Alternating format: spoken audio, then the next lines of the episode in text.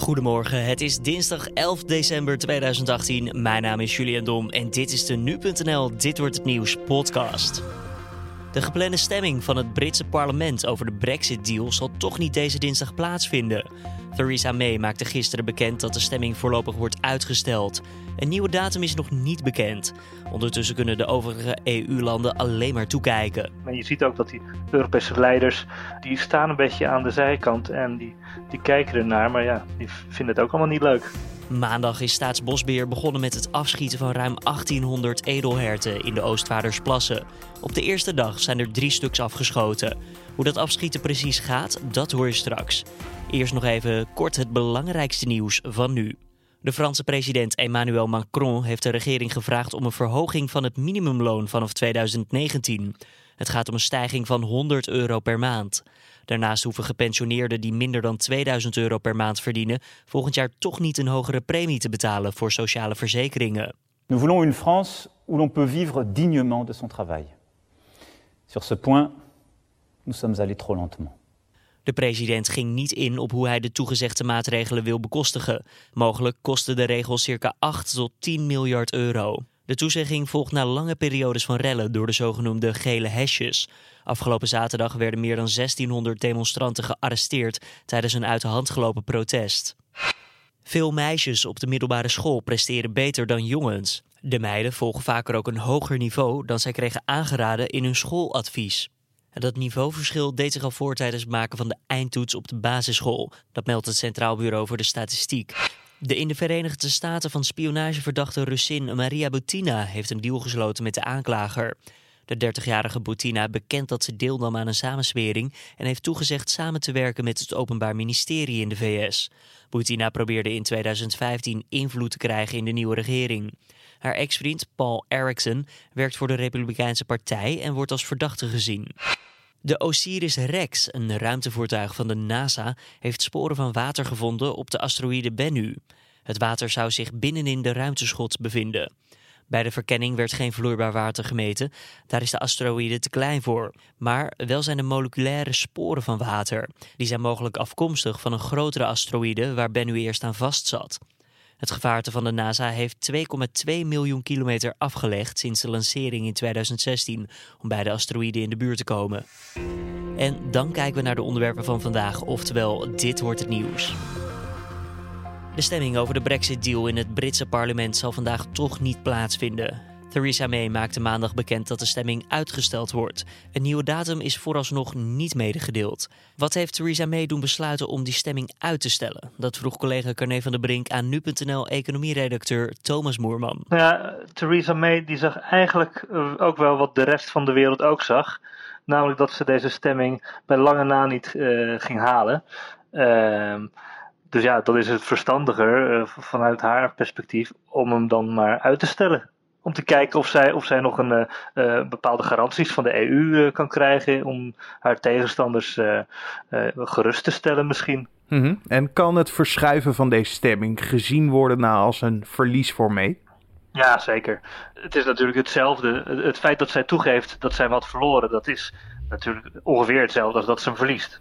Uh, zo kan je dat echt wel zien, ja. Waar blijft op dit moment het grootste probleem in zitten in het huidige akkoord? Ja, we, we hebben een paar, oh, een paar keer gebeld over dit onderwerp, denk ik. het is altijd hetzelfde. Keer, elke keer stel je deze vraag. Ja. Elke keer zeg ik, ja, het gaat weer over de, over de Ierse grens. Dat is nog steeds het probleem. En dan moet ik altijd nog even verduidelijken. Het, is dus, uh, het gaat dus om de noodoplossing voor als ze over twee jaar nog geen oplossing hebben gevonden voor de grens tussen Noord-Ierland en Ierland. Dan, komt, dan treedt de noodclausule in werking. Dat heet de Irish backstop.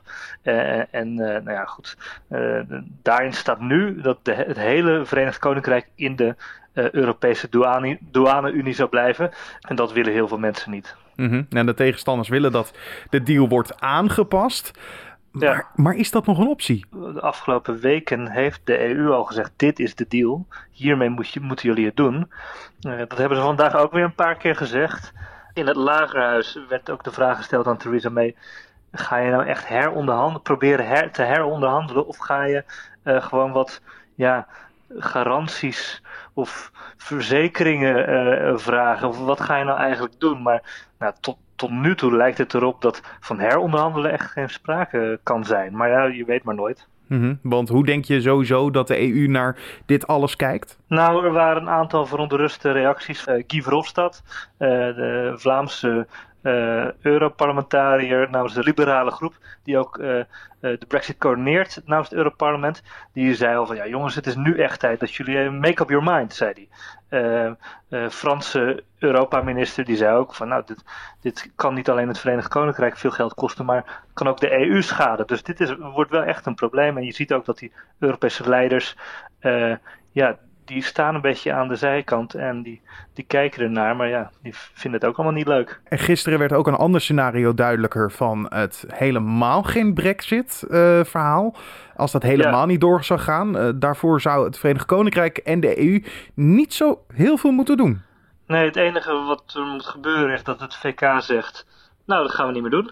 Uh, eerst leek het erop dat uh, de Europese Unie daar ook nog, uh, of de, de resterende 27 landen, daar ook nog wat over te zeggen hadden. Dat blijkt dus niet zo. Dus als de Britten bedenken, nou, we gaan dit toch niet doen, dan mag dat. Dan, dan, dan blijven ze gewoon in de EU.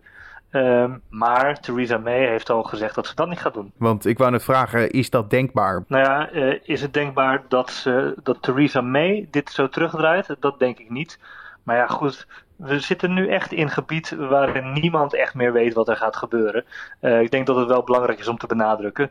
Niemand weet echt hoe dit gaat eindigen. Um, het zou zomaar kunnen dat Theresa May dit niet overleeft, uh, politiek gezien dan. Hè? Mm -hmm. um, uh, en dat er uiteindelijk verkiezingen komen of dat er een nieuwe leider naar voren wordt gezet. De wonderen zijn de wereld nog niet uit. Het zou best kunnen dat er geen Brexit komt. Maar vooralsnog lijkt het er nog steeds op dat er wel een Brexit komt, hoewel die wel steeds chaotischer wordt. Dat kan je wel zeggen. Wat denk jij sowieso dat er de komende tijd gaat gebeuren? Denk jij dat May uh, iedereen nog een keer in het lagerhuis probeert te overtuigen? Of denk je dat ze weer richting Brussel gaat om daar nieuwe onderhandelingen misschien weet te, te fixen? Nou ja, dat heeft ze nu gezegd, hè, dat laatste. Dat ze, ze gaat nu terug naar Brussel proberen om iets te heronderhandelen of nieuwe garanties te krijgen. Maar aan de andere kant heb je de EU die zegt: ja, uh, ja dit is de deal, hiermee moet je het doen. Uh, het lagerhuis, er waren ook stemmen in het lagerhuis die zeiden vandaag: ja, ook al uh, gaat die hele Irish backstop eruit, dan is de kans nog steeds groot dat we tegenstemmen. Dus wat, wat ga je nou eigenlijk doen? Dat was eigenlijk de vraag aan Theresa May. Um, ja, dat, dat is een beetje de vraag uh, wat haar plan is. Maar ja, dat zullen we de komende tijd misschien gaan zien. Theresa May is deze ochtend ook aanwezig op het Katshuis bij premier Mark Rutte voor een speciaal werkontbijt. Tijdens het ontbijt zullen ook de meest recente Brexit-ontwikkelingen worden besproken. Je hoorde Thomas Moorman van onze economie-redactie. Maandag is Staatsbosbeheer begonnen met het afschieten van ruim 1800 edelherten in de Oostvaardersplassen. Tot nu toe zijn er drie dieren afgeschoten. Vooralsnog heeft Staatsbosbeheer het streven om ongeveer 20 dieren per dag te kunnen afschieten. Hoe de dag verliep en hoe de komende periode eruit zal zien voor de faunabeheerders, dat vroeg Carne van der Brink aan Joke Bel van Staatsbosbeheer. Nou, we zijn gisteren begonnen eerst met de dag dat we dan iedere dag eigenlijk per dag bekijken vanuit welke locatie we gaan werken. En dan kijken we ook naar de weersomstandigheden, de windrichting en uh, waar de edelherten zich op dat moment in het gebied uh, bevinden. Dat is zeg maar het allereerste wat er s ochtends gebeurt. Ja, en ik las dat er per dag 20 edelherten worden afgeschoten. Waarom is gekozen voor precies dat aantal edelherten? Nou, dat is een inschatting die onze faunabeheerders hebben gemaakt. We gaan met maximaal vier faunabeheerders per dag het gebied in. Vandaag waren dat er twee. Het was ook de eerste dag om te starten. De weersomstandigheden waren niet helemaal gunstig. Dus er is ook gekeken van hoe gaan we starten. Dus gisteren is er besloten om uh, met uh, twee uh, beheerders te starten. En ehm, ja, ze hebben zeg maar aangegeven, een gemiddelde gegeven van nou, dus wij streven naar 20 per dag. Maar we wisten eigenlijk wel van tevoren dat zeker de eerste dagen dat dat heel lastig is om te realiseren. Ja, jij bent met de boswachters meegegaan. Uh, hoe was het? Nou, het is eigenlijk gelijk duidelijk dat uh, wat wij verwacht hadden, dat het zeker geen makkelijke klus is, dat dat ook gewoon echt in de praktijk direct te zien is. Gisteren waaide het heel hard, het was redelijk fris ook. En wat we zagen is dat de edelherten in hele grote groepen bij elkaar stonden. En uh, dit beleid, hè, dit beheer is anders zeg maar dan het voorgaande beheer, waarbij we later schoten, waar de dieren rustiger waren hè, aan het eind van de winter of halverwege de winter. Nu zijn de dieren allemaal in een goede conditie en ze zijn zeer alert. Dus we zagen zagen eigenlijk al gelijk op het moment dat wij dichter probeerden bij te komen, dat de dieren dan nou, heel gespitst waren, heel alert. En dat ze ook direct zeg maar, weer hun afstand uh, kozen. Hoe en met wat worden de herten dan afgeschoten? De faunabeheerders in de Oostvaardersplassen gebruiken geweren met een geluidsdemper. Dus dat uh, schijnt dan dat de edelherten uh, en de andere dieren ook, mocht dat nodig zijn, hè, als een keer een, gebre een, gebrekkig dier is of een gewond dier, dat ze niet zo goed kunnen bepalen waar het schot vandaan komt. En dat is dus rustiger voor de dieren. En daardoor wordt zeg maar minder snel de associatie gelegd tussen de auto van de faunabeheerder en het schot wat er klonk. Dus uh, ja, en het is echt een stuk rustiger in het gebied ook. En je hebt het over dat het weer natuurlijk een belangrijke rol gaat spelen. Uh, 20 per dag. Dat betekent dat het een lang proces gaat worden. Hoe ver zal het weer dan nog een, een, belangrijke rol gaan spelen? Bijvoorbeeld als het gaat sneeuwen binnenkort of dat het echt slecht weer gaat worden? Ja, als het kouder wordt, dan worden de dieren ook rustiger. Hè? Dan gaan ze zich rustiger gedragen.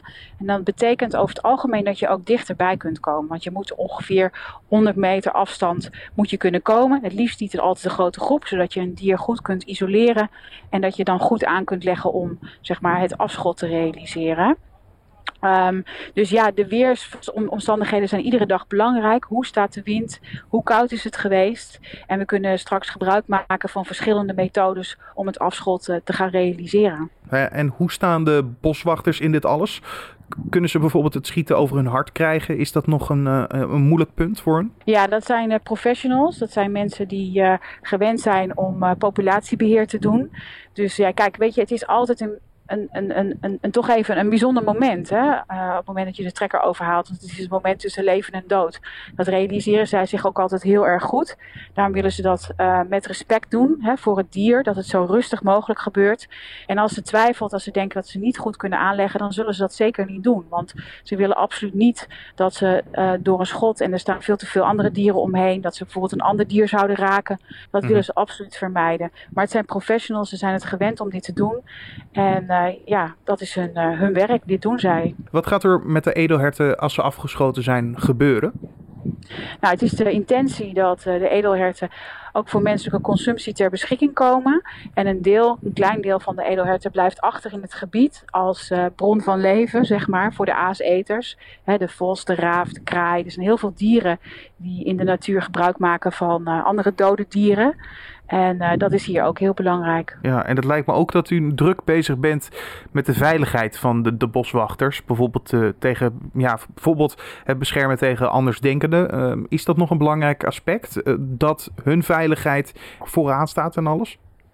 Ja, precies. Veiligheid staat echt vooraan.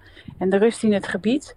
Dus uh, ja, we hebben een aantal maatregelen genomen, uiteraard in nauw overleg met, uh, met de politie en ook bijvoorbeeld met de burgemeester, um, die uh, over veiligheid gaat, openbare orde en veiligheid. Waar moet ik aan denken? Kan u een voorbeeld noemen?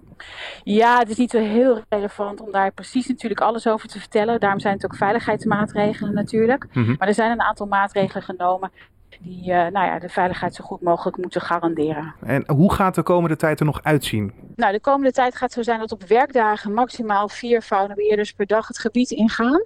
Om uh, ja, aan de slag te gaan met het afschotten, dus met het verlagen van de stand van de edelherten in het gebied. Je hoorde Joke Bel van Staatsbosbeheer. PSV gaat in de laatste speelronde van de Champions League op bezoek bij internationale. De Eindhovenaren zijn al uitgeschakeld in groep B en spelen dus puur om de eer. Inter strijdt met Tottenham Hotspur om een ticket voor de knock-outfase van de Champions League. De wedstrijd internationale tegen PSV begint om 9 uur vanavond. En morgen speelt Ajax zijn laatste groepsronde in de Champions League. De Amsterdammers zijn wel door naar de volgende ronde van het toernooi. De rechtbank van Alkmaar doet uitspraak tegen de man die wordt verdacht van het verkrachten en ombrengen van Milika van Doorn in 1992. De man kwam in beeld nadat zijn broer zich meldde voor een DNA-verwantschapsonderzoek. Het Openbaar Ministerie zegt dat er voldoende bewijs is tegen de man en neemt het de verdachte extra kwalijk dat hij altijd heeft gezwegen. Dan het weer voor deze dinsdag. In de ochtend mogelijk nog kans op een bui hier en daar. Maar later in de ochtend en begin van de middag blijft het vrijwel overal droog. Zon en wolken wisselen zich dan af. Het wordt zo'n 7 tot 8 graden bij een matige noordwestenwind. I see a little silhouette of a man. Scaramouche, Scaramouche, will you do the fandango? Thunderbolt and lightning, very, very frightening me. Galileo, Galileo. I'm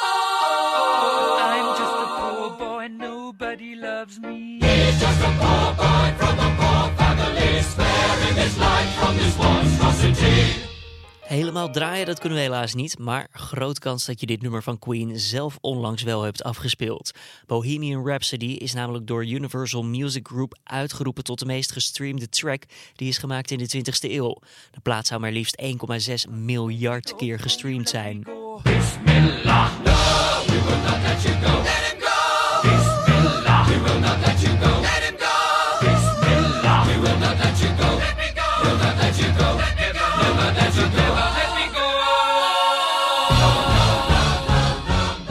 Queen laat andere grote hits als Nirvana Smells Like Teen Spirit en A November Rain van Guns N' Roses achter zich, meldt de Amerikaanse hitlijst Billboard. De film over Queen die onlangs in de bioscopen verscheen zal ongetwijfeld hebben meegeholpen aan het succes.